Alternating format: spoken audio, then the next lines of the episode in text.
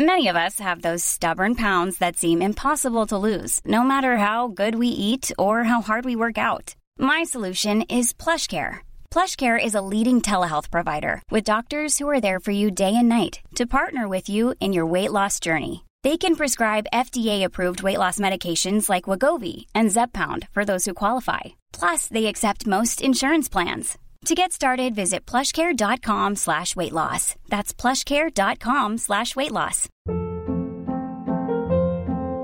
Hold up. What was that? Boring. No flavor. That was as bad as those leftovers you ate all week. Kiki Palmer here, and it's time to say hello to something fresh and guilt-free. Hello Fresh. Jazz up dinner with pecan-crusted chicken or garlic butter shrimp scampi. Now that's music to my mouth. Hello Fresh. Let's get this dinner party started. Discover all the delicious possibilities at hellofresh.com. Quality sleep is essential. That's why the Sleep Number Smart Bed is designed for your ever evolving sleep needs. Need a bed that's firmer or softer on either side? Helps you sleep at a comfortable temperature? Sleep Number Smart Beds let you individualize your comfort so you sleep better together. JD Power ranks Sleep Number number 1 in customer satisfaction with mattresses purchased in-store. And now, save 50% on the Sleep Number limited edition Smart Bed for a limited time. For JD Power 2023 award information, visit jdpower.com/awards. Only at a Sleep Number store or sleepnumber.com. Du lyssnar på LaxTon-podden. Spökjakt på riktigt. Mitt namn är Tony Martinsson. Och jag heter Niklas Laksonen. Tillsammans driver vi Sveriges främsta paranormala utredningsteam. LaxTon Ghost Sweden. Välkommen tillbaka till det andra poddavsnittet. LaxTon-podden Spökjakt på riktigt. Yes. Ja, vad kul, nu är vi igång. Riktigt Ehm. jävla roligt. Verkligen. Och um, ni som inte... Först ska jag säga det här. Stort tack till alla som lyssnade förra veckan. Och om ni inte lyssnade på våra första avsnitt så finns det ute. Lyssna gärna på det kanske innan man lyssnar på det här. Så har man lite mer koll på vilka vi är. Hur allt började. Och få reda på Niklas innersta hemlighet. Vad är det? Jaså, har jag det också? Ja, och dagens eh, poddavsnitt då, vad kommer det handla om? Jo, jag tänker att vi, vi avslutar tar upp tråden lite grann där vi slutade sist. Och vi hann ju komma fram till 2014 och starten av LaxTon. Och när man tittar tillbaka, det är en fantastisk resa vi har haft under de här åren. Det är ju sex år som vi firar nu kan man väl säga. Och ja, men det är faktiskt sex år nu, för det var i december jag fick Spiritboxen faktiskt, 2014. Ja, just det. Så det blir ju exakt nästan sex år sedan. Ja men det var ju då allting började kan man säga. Och startskottet för LaxTon. Och vi har varit med om en hel del under de här åren. Jag tänker bara om vi backar tillbaka till 2014 när vi började. Ja men tänk hur det var. Det fanns ju inga paranormala utredare i Sverige som på något vis eh, tog plats kanske och syntes inte så jättemycket kanske med ja, olika media. Det fanns ju det okända på tv som gick. Och det var väl där någonstans idén växte fram. I och med att vi hade upplevt så pass mycket under så många år, både i Kiruna och även här nere i Borås. För att det glömde vi säga förra podden, att det händer ju väldigt mycket saker i Borås också eh, under alla de åren vi har bott här. Så det som var i Kiruna har också följt med oss hit och det märker vi ju framförallt vid jultid. Vi tog ju beslutet där 2014 om att starta någonting helt nytt. Och det fanns ju som sagt inga svenska paranormala utredare. Eh, och vi vill också göra en, en, ny, ett, ett, en ny paketering av det på, på YouTube. Nej, precis och som du också säger, som, som tar plats. Jag menar, tänk efter hur mycket vi har banat väg för det här i Sverige. Vad vi har gjort med den här tabun. Prata om spöken, prata om energier, andar, Upplevelser. upplevelser och väsen och allt det här. Jag menar att vi också bara med, alltså vi kan ju säga så här, det har inte bara varit en eh, dans på rosor eh, med kritik med, med, med det vi gör. Och det är det ju fortfarande. Alltså folk eh, vill ju trycka ner en. Vi har bara köttat på. Vi, vi, vi har den, vi gillar att göra det här och vi tycker det är helt underbart. Och eh, redan 2014 kommer jag ihåg när första klippen kom ut, då kommer de här jävla kommentarerna. Och det är, det är oundvikligt. Ja, men det är ju så på nätet. Det är alltid lätt att sitta bakom en dator och skriva massa, massa hatkommentarer. Men jag får ändå säga att vi har haft förvånansvärt lite av det. Det är ju många andra som har haft väldigt mycket mer hat eh, just eh, om man tänker så. Men det finns ju alltid folk som inte tror på, på, på, på det vi gör. Och jag tror det är lite sån här missuppfattning om, om, om vad vi tror på och vad vi gör också. För det är ju så, vi, när vi åker iväg på en utredning så är vi ju där för klienter som har kallat dit oss.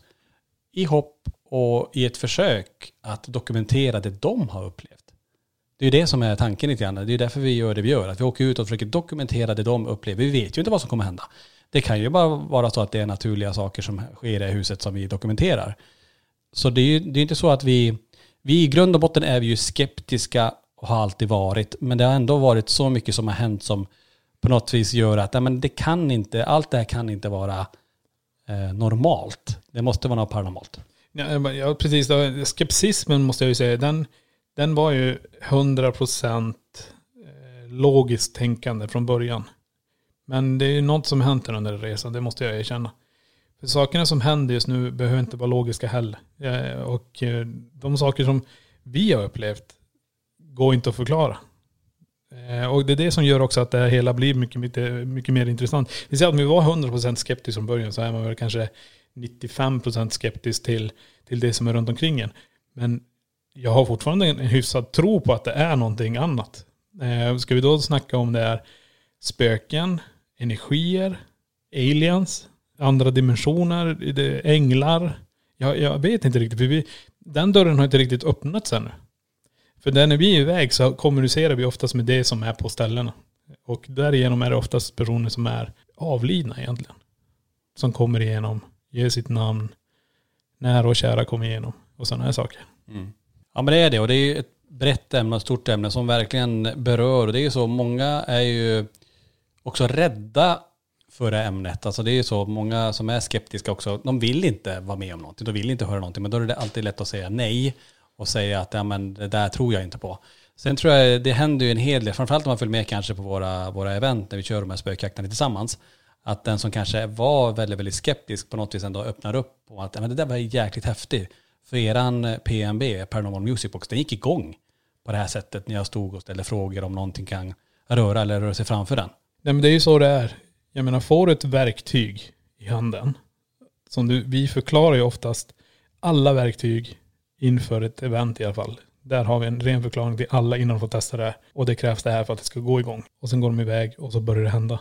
Då måste ju de också inse att det här är ju någonting annat som händer. Eh, vi kan ju ta en PRP, börja indikera och ha kommunikation. Och när vi snackar kommunikation med en PRP, och PRP eh, är ju våran Paranormal Rempack, som har en antenn med fyra lampor. Du aktiverar den och någonting måste ju komma innanför det här EM-fältet som är för att påverka den här. Och när det väl händer kan man ställa frågan, är det någon som är där? Kan du röra vid den? Och den indikerar. Kan du få den att låta två gånger om du, eh, om du är en man? Eh, händer ingenting. Kan du få den att låta en gång om du är kvinna? Där är ju, du har ju dialog. Mm. Och, vi, och vi kanske kastar oss med en del förkortningar här också. Niklas sa innan det med EM-fältet till ja. exempel. Och det är ju egentligen... Eh, Elektromagnetiska fälten, ja. man säger så. Och vi kommer säkert, men, vi, men vi kommer försöka förklara de begreppen också under, under resans gång under de här poddavsnitten. När vi pratar jag kan om. säga så här, vi kanske slänger ihop olika ord också som inte kanske är rätt. För det, det, är inte lite instrument. Men vi i alla fall hålla isär statiska, elektromagnetiska, rörelse, kyla och värme och sådana här saker.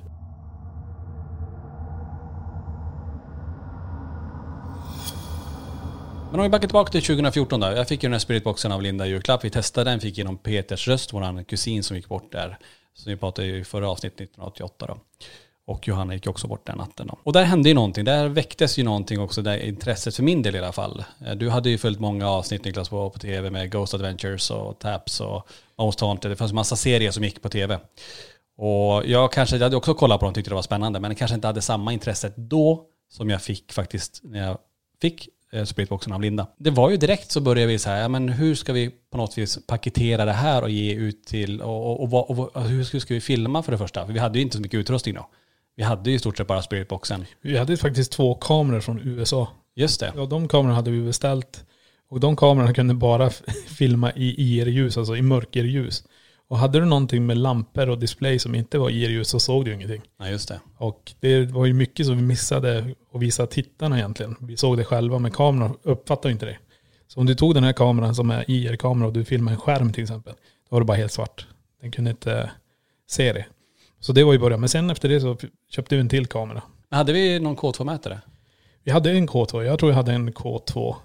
Eh, och vi hade en eh, Gauss-mätare och en... Jag tror vi förklarar de, de här grejerna också nu kanske. Ni som inte vad K2-mätare och en gasmätare. Ja, K2-mätaren är ju en eh, som mäter, och ni har säkert sett dem i många av våra klipp. Ni som inte har sett våra klipp så gå gärna in på YouTube och titta våra klipp där. Så får ni se när vi gör EMF-svepet till exempel. Just då använder vi K2-mätare, kanske Melmeter och även vår app som har eh, e- elektromagnetiska avkänningar.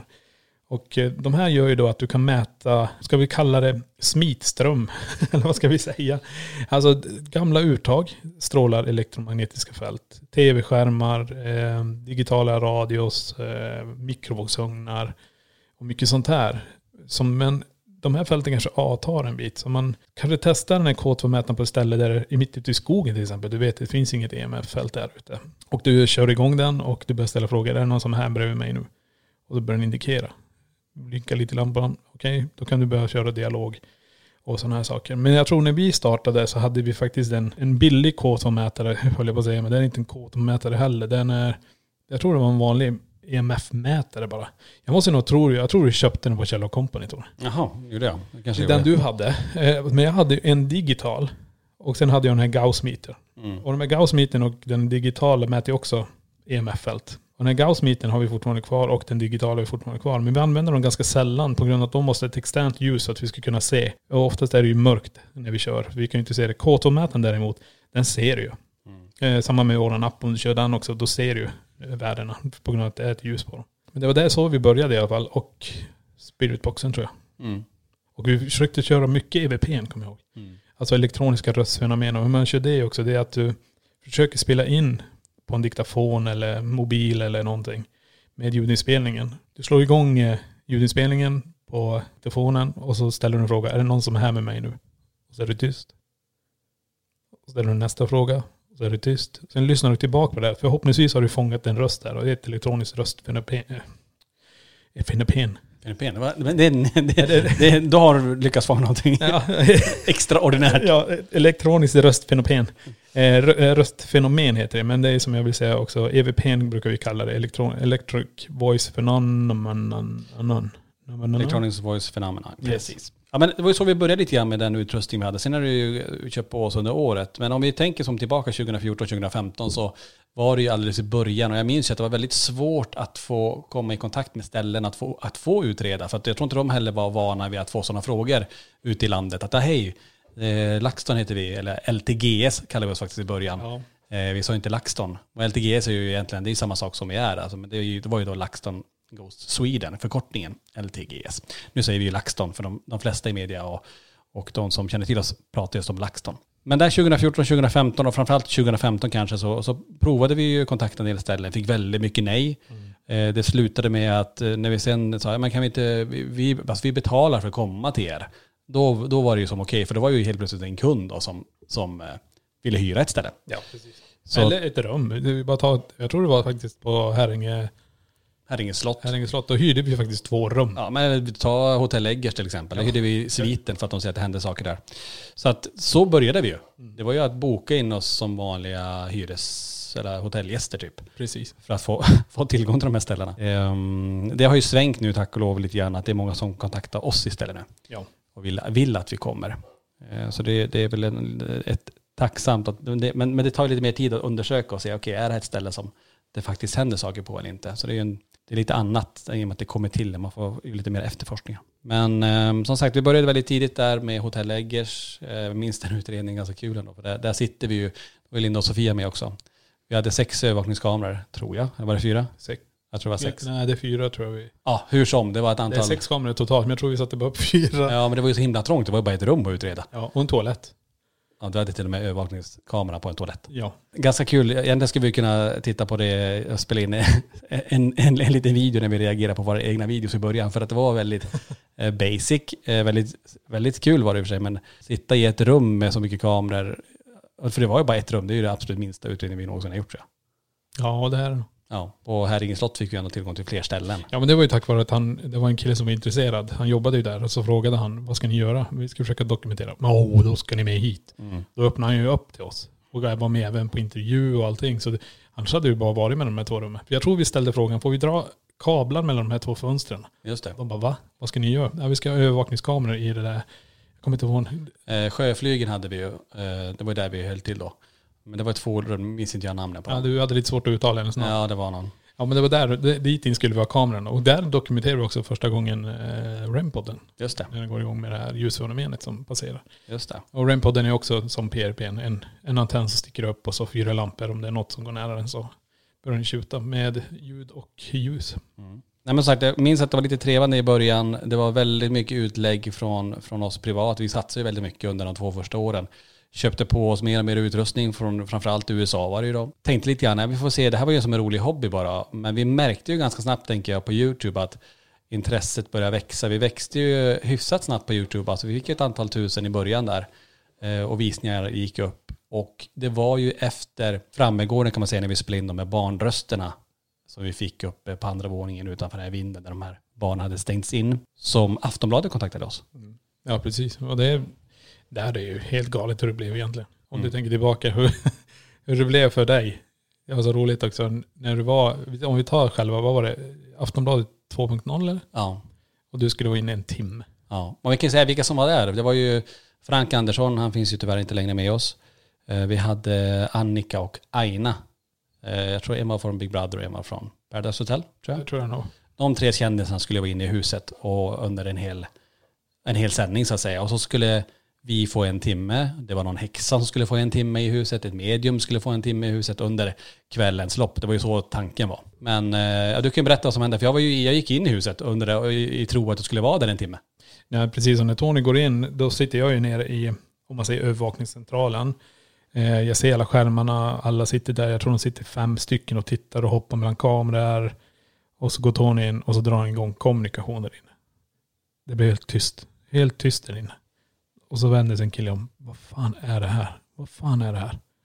Och så ställer Var de... det i negativ bemärkelse eller positivt? Nej, positivt var det, för han fattade inte att helt plötsligt var det något som svarade han. Äh, inte han, utan när du ställde en fråga så kom det ett svar. Så de blev helt ställda. En kille, jag tror han blundade till och med. Han satte händerna för ögonen. Han bara, vad fan är det som händer? Och sen började telefonen ringa. Och de bara, vad är det som händer? Det här är ju helt galet. Och Twitter exploderade. Vilka, vilka var det som ringde? Jag tror det var högsta ledningen på Aftonbladet. Ringde och sa, det här, det här är helt otroligt. Och då insåg de, det här är ju jätte, jättebra livestreaming-grej som händer nu. Så du satte igång och Frank började köra lite kommunikation. Ni fick skitbra kommunikation. Så den här timmen gick ju jätte, jättesnabbt. Alla var helt paff där nere. Och Twitter exploderade som jag sa. Telefonen ringde. Och då vände sig en om till mig och frågade, vad är det som händer där inne? Sa jag bara, nej men nu har Tony kommunikation på här. Och nu kör han. Nu kommer det ställas massa frågor och får vi se vad de säger. De var helt chockade. Jag tror en kille reste sig upp också. Han var tvungen att gå ut och ta luft för han blev helt chockad. Han fattade inte helt plötsligt att du stod där inne och kommunicerade med en tillbaka röst till de här eh, deltagarna. Så det var ju fruktansvärt häftigt. Och eh, timmarna gick. Du fick, efter fyra timmar tror jag det var, så sa jag bara att, för så här var det egentligen, efter en timme så skulle egentligen någon annan gå in och de bara, nej skit i det. Eh, ingen annan går in nu, nu är det här ett skitbra. Eh, Nej men var det inte så att medium gick in? Det var ju väl så att... Ja, just det. Ja, Jo. alltså jag gick ju ut efter eh, Nu kanske det var en timme, kanske det var lite längre. Men sen skulle ju eh, ett medium gå in. Han gick in, men han, ja, han var ju knappt en timme. Så han är ut med mediumet och in med, eh, in med LaxTon igen då. Eller LTG som vi kallar det så. Eh, in med oss igen. Och då gick jag in igen och då var det ytterligare fyra timmar som jag var inne i huset. då. Men jag vet att jag kom ju in i den sista eh, tiden där. Eh, sista timmen tror jag det var. Och då satt ni uppe i spinrockrummet om man säger.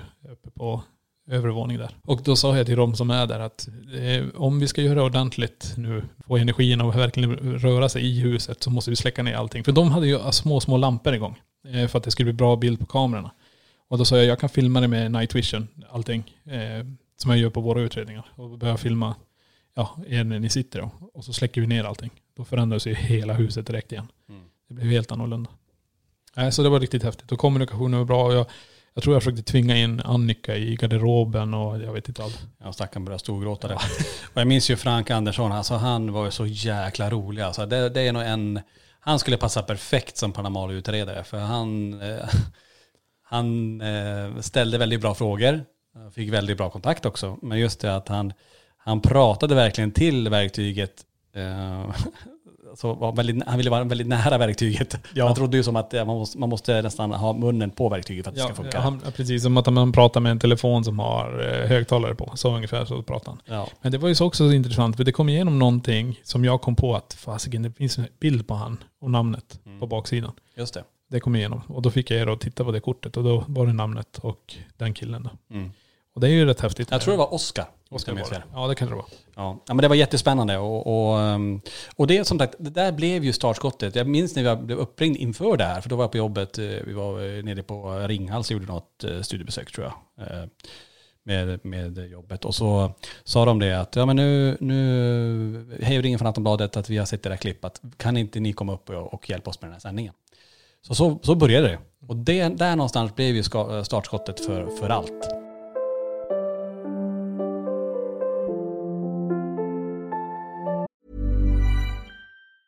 Quality sleep is essential. That's why the Sleep Number Smart Bed is designed for your ever evolving sleep needs. Need a bed that's firmer or softer on either side? Helps you sleep at a comfortable temperature? Sleep Number Smart Beds let you individualize your comfort so you sleep better together. JD Power ranks Sleep Number number 1 in customer satisfaction with mattresses purchased in-store. And now, save 50% on the Sleep Number limited edition Smart Bed for a limited time. For JD Power 2023 award information, visit jdpower.com/awards. Only at a Sleep Number store or sleepnumber.com. Hold up. What was that? Boring. No flavor. That was as bad as those leftovers you ate all week. Kiki Palmer here, and it's time to say hello to something fresh and guilt-free. Hello Fresh. Jazz up dinner with pecan-crusted chicken or garlic butter shrimp scampi. Now that's music to my mouth. Hello Fresh. Let's get this dinner party started. Discover all the delicious possibilities at hellofresh.com.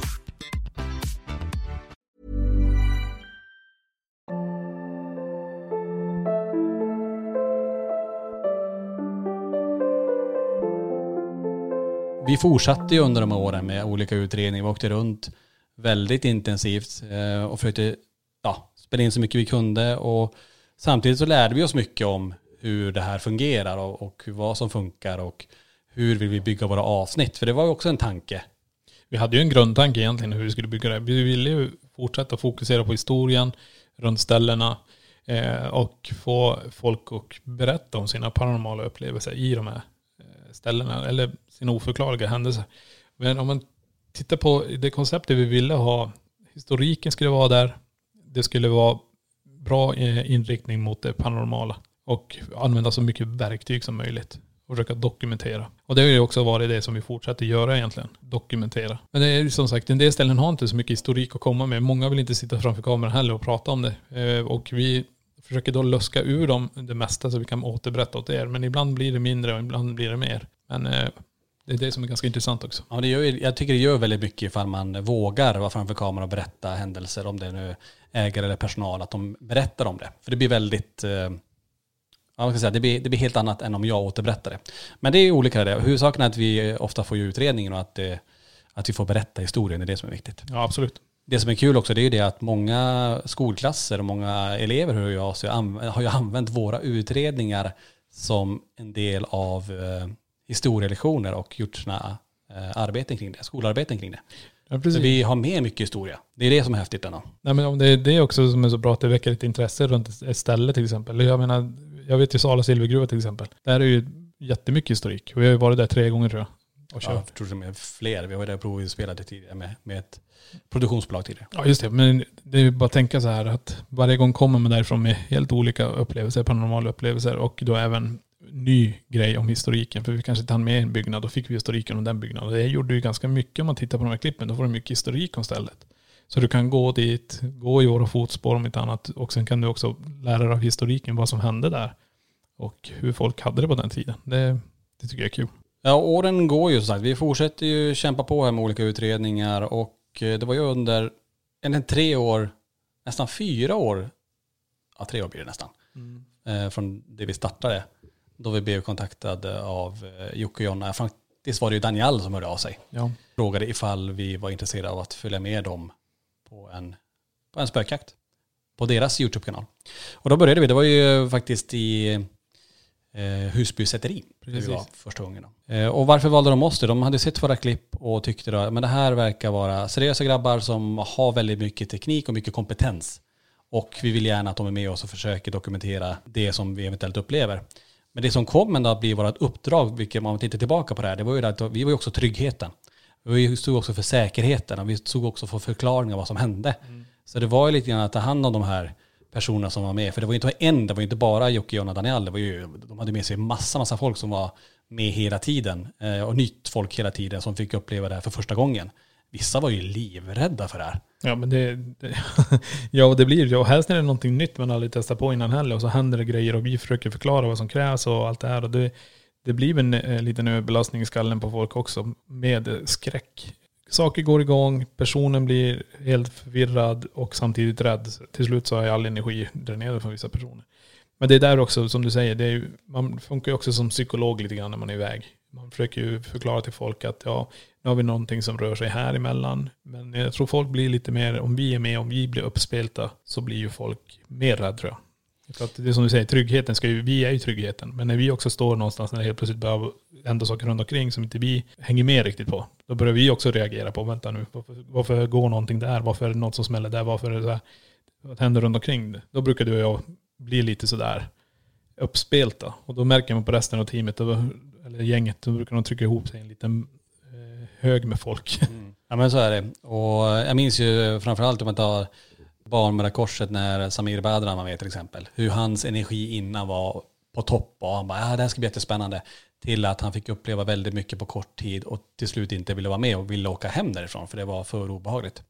Så ja, vi alla reagerar ju olika och vi har ju träffat enormt mycket folk under, under den resan och, och som sagt att få arbeta med Jocke, Jonna, Daniel som vi har gjort väldigt nära. Det är ju speciellt också för att i, i hur de är som personer också. Ja. Eh, Så, så är det ju. Det är ju ibland en frustration i och med att de har, har blivit så pass rädda att man har fått lämna en, en plats där vi annars normalt inte hade lämnat utan gått och fortsatt utrett eller gått emot det här till att då, ja men som sagt ta hand om dem istället. För det är ju också det som var som sagt vårt uppdrag. Det var inte bara att utreda utan även se till att allting sker på ett säkert sätt och att de, ja, att de känner sig trygga med att fortsätta så långt det bara går. För det har hänt ibland att det blir för mycket för dem. ja.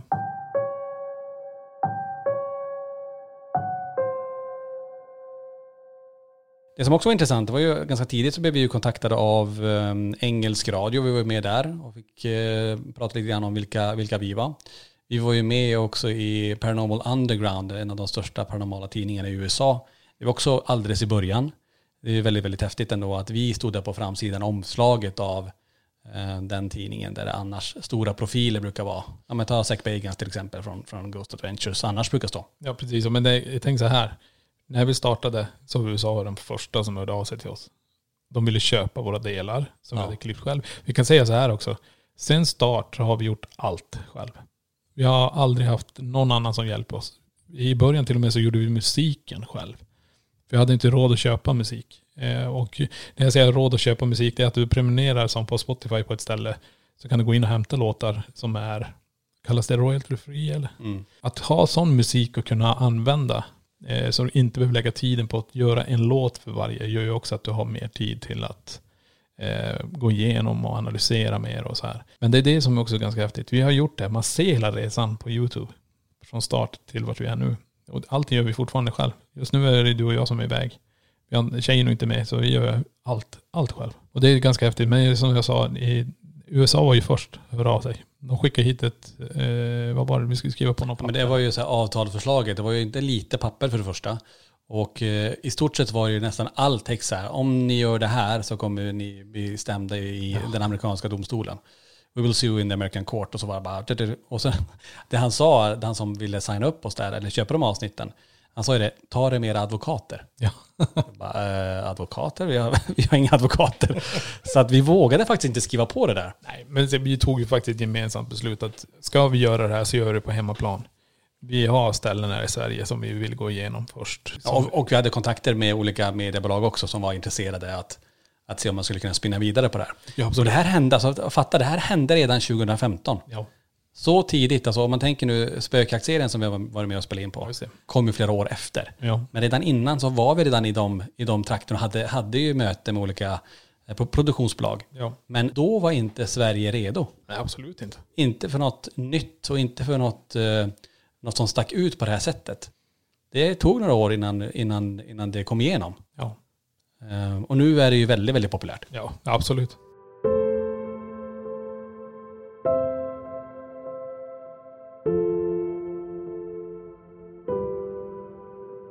Det som också var kul, vi, vi, vi körde ju på och um, kände väl det att, ja men varför köpa allting från USA när det gäller utrustning? Varför inte börja tillverka egna saker? Och då tog vi fram eh, det vi kallar för PMB eller Paranormal Music Box. Och där hade vi en prototyp som såg ut som, eh, ja, jag vet inte hur den ser ut. Eh, Tanken var väl att det skulle se ut som en, vad heter den här pjäsen man flyttar på ouija-bräde? Ja, jag glömmer alltid bort namnet. Och, Ja, ni vet den här träbiten som har en cirkel i sig som man kan bara flytta omkring sig. Den, är, den, den påminner om Superman-märket faktiskt. ja, tänker. det blir ju mer likt. Ja, men i alla fall, det är så... Um, där gick väl...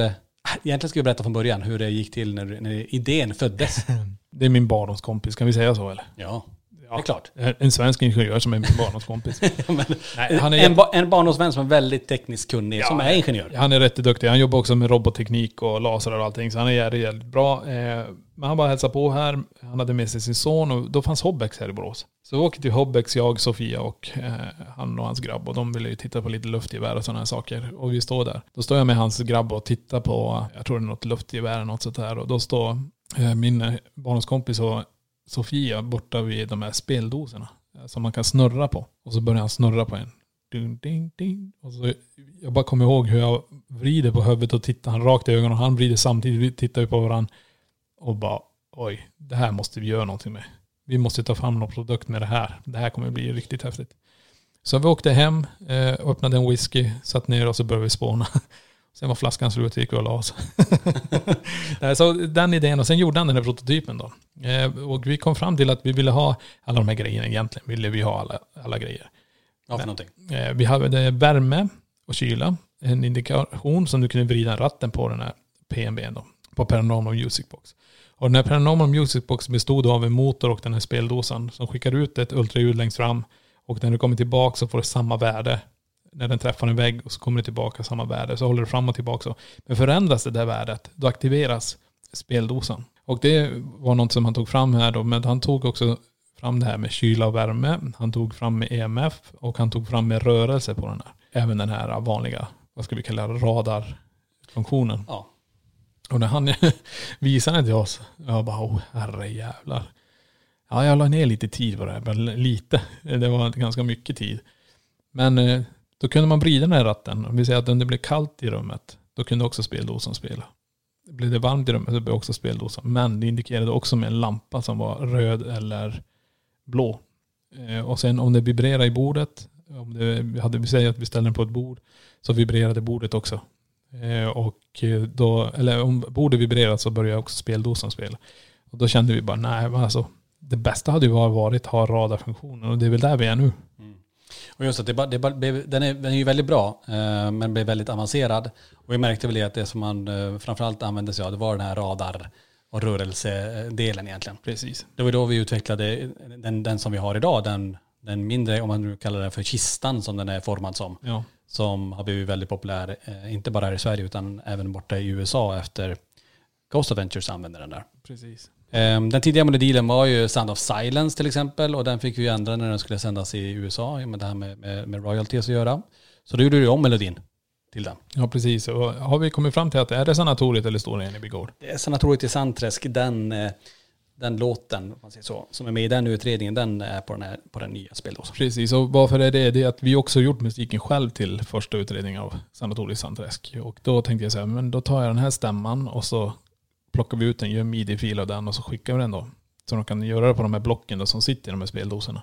Där är vi nu. Och den är där. Det är många som tycker den är creepy den där låten. Men Ja. det, det ska vara creepy. Ja men det är lite sådär, det är ju väldigt speciellt att stå i ett, i ett, på en vind eller nere i en källare och, och om man ställer en fråga om det är någon som är där och den svarar och börjar spela där i mörkret. Det är jätte, jättespännande. Ja. Eh, vi har också utvecklat PRP, alltså Paranormal REM Pack och, ehm, Applikationen.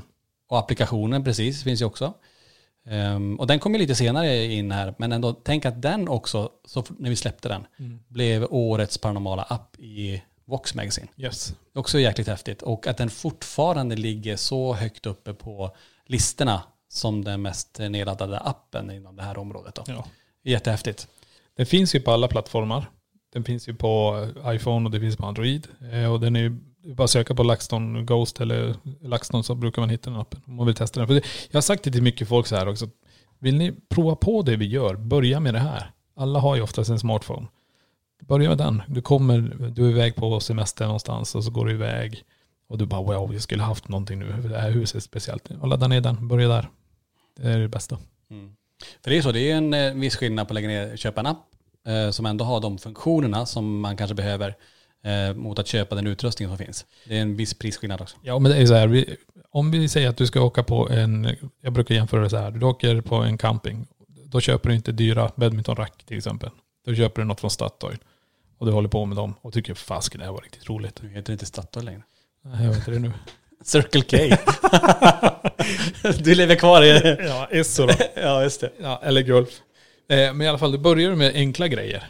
Och det är samma med fotboll också. Du börjar med fotboll, då köper du fotbollsskor. Så tycker du det här är kul, bara jag köper dyrare fotbollsskor. Det är bara så det är.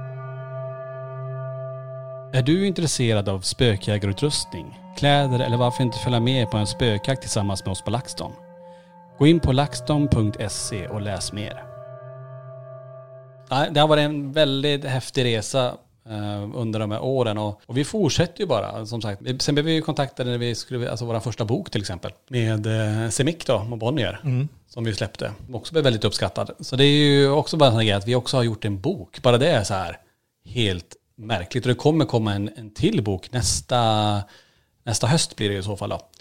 Där vi riktar oss mer till den yngre målgruppen egentligen. Ja, det, Så det blir också spännande. Också en, en milstolpe att få skriva, inte en barnbok, men att är åt ungdomshållet så att säga. Jättehäftigt. ja, det är helt galet. Vad är det mer som har skett under de här åren då? Vi tänker, um, det hände ju mycket där 2017 med vår YouTube-kanal. Vi växte ju väldigt, väldigt snabbt.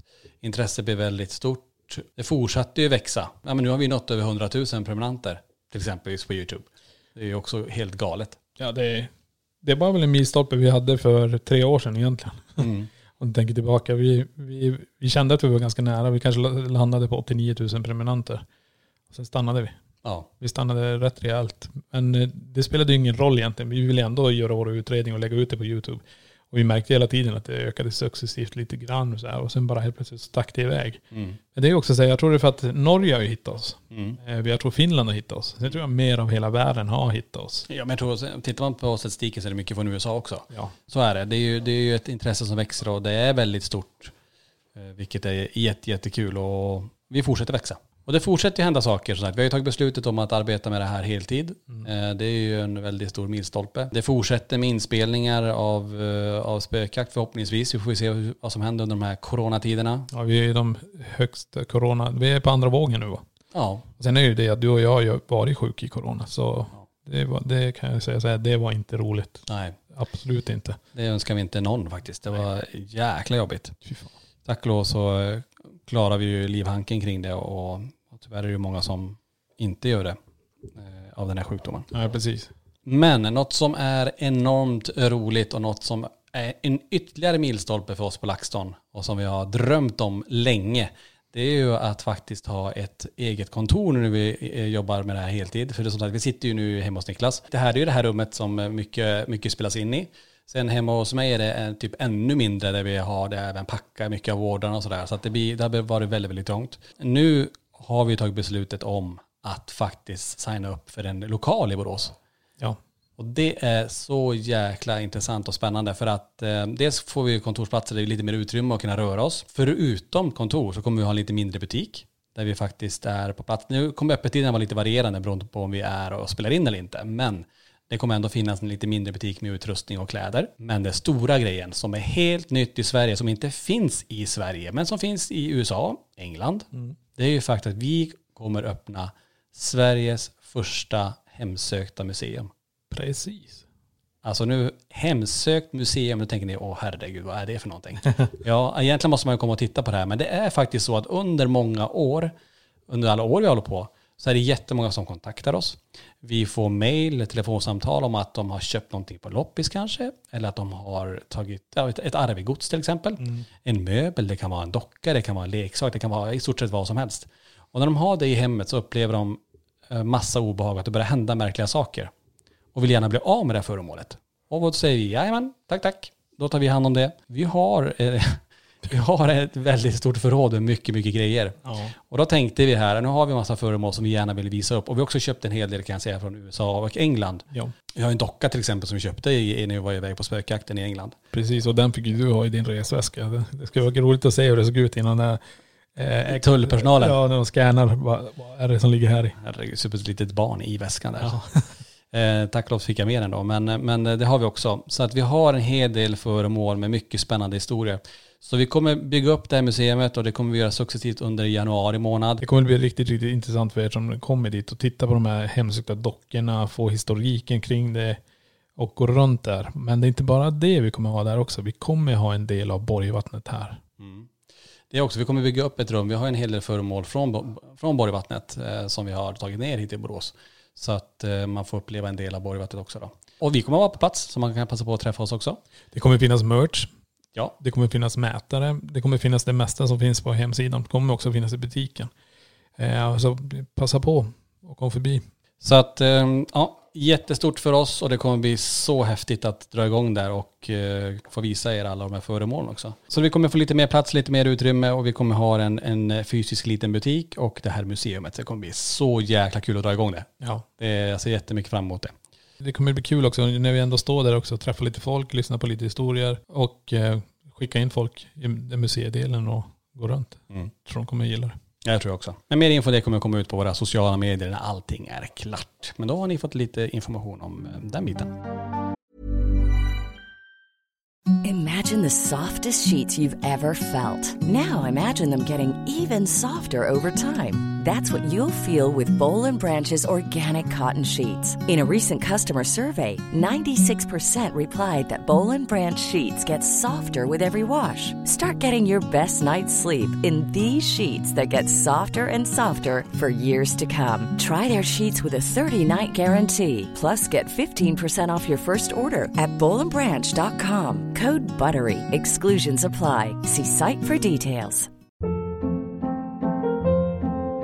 Hold up. What was that? Boring. No flavor. That was as bad as those leftovers you ate all week. Kiki Palmer here, and it's time to say hello to something fresh and guilt-free. Hello Fresh. Jazz up dinner with pecan-crusted chicken or garlic butter shrimp scampi. Now that's music to my mouth. Hello Fresh. Let's get this dinner party started. Discover all the delicious possibilities at hellofresh.com. Planning for your next trip? Elevate your travel style with Quince. Quince has all the jet setting essentials you'll want for your next getaway, like European linen, premium luggage options, buttery soft Italian leather bags, and so much more. And is all priced at 50 to 80% less than similar brands. Plus, Quince only works with factories that use safe and ethical manufacturing practices. Pack your bags with high-quality essentials you'll be wearing for vacations to come with Quince. Go to quince.com slash pack for free shipping and 365-day returns. Vi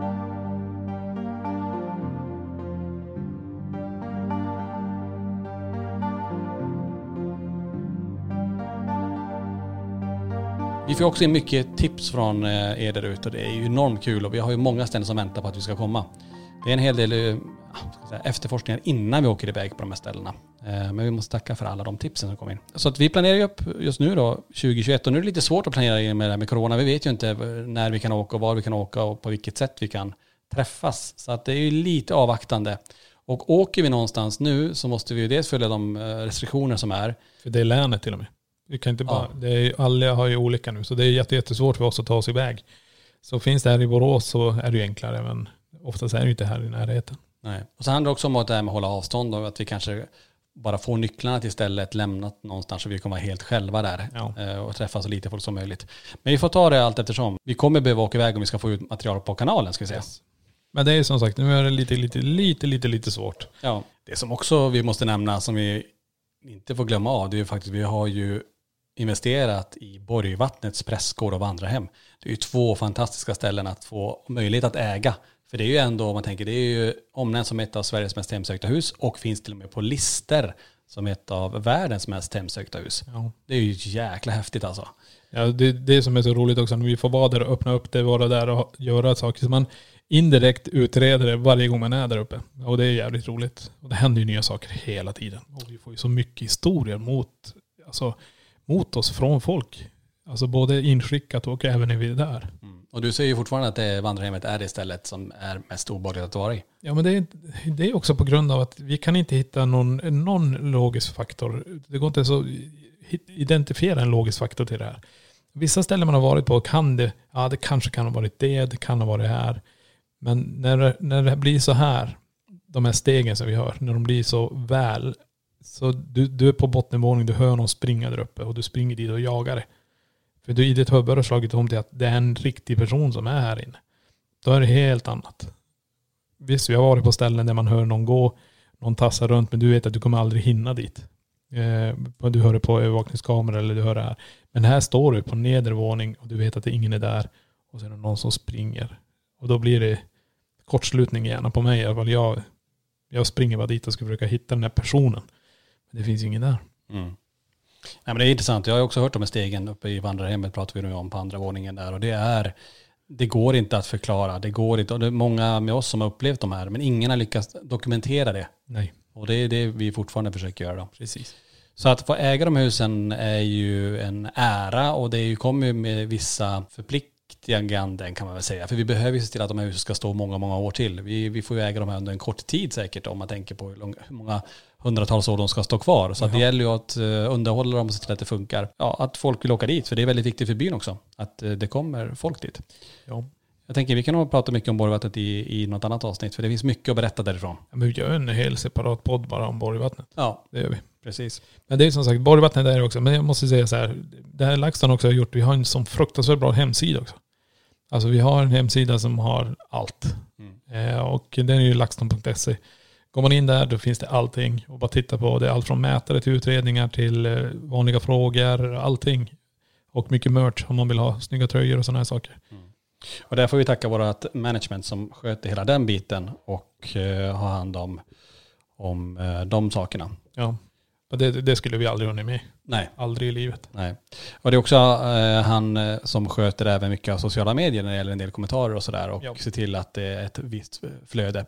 Eh, Framförallt om man tänker den tiden när vi jobbade heltid med våra andra vanliga arbeten, om vi får kalla det för det, så, um, så hade vi inte lika mycket tid som vi har nu. Så det är ju jätteuppskattat. Ja. Vågar du spendera en natt i Sverige och i ett av världens mest hemsökta hus? Boka din natt på borgvattnet.eu.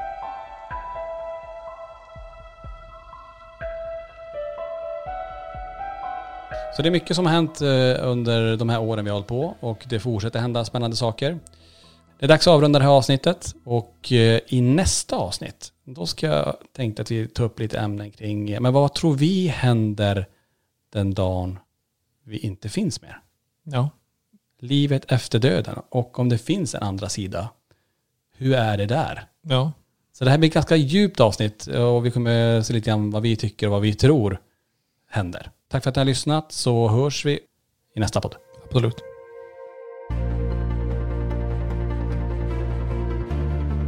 Tack för att du har lyssnat på LaxTon-podden. Spökjakt på riktigt.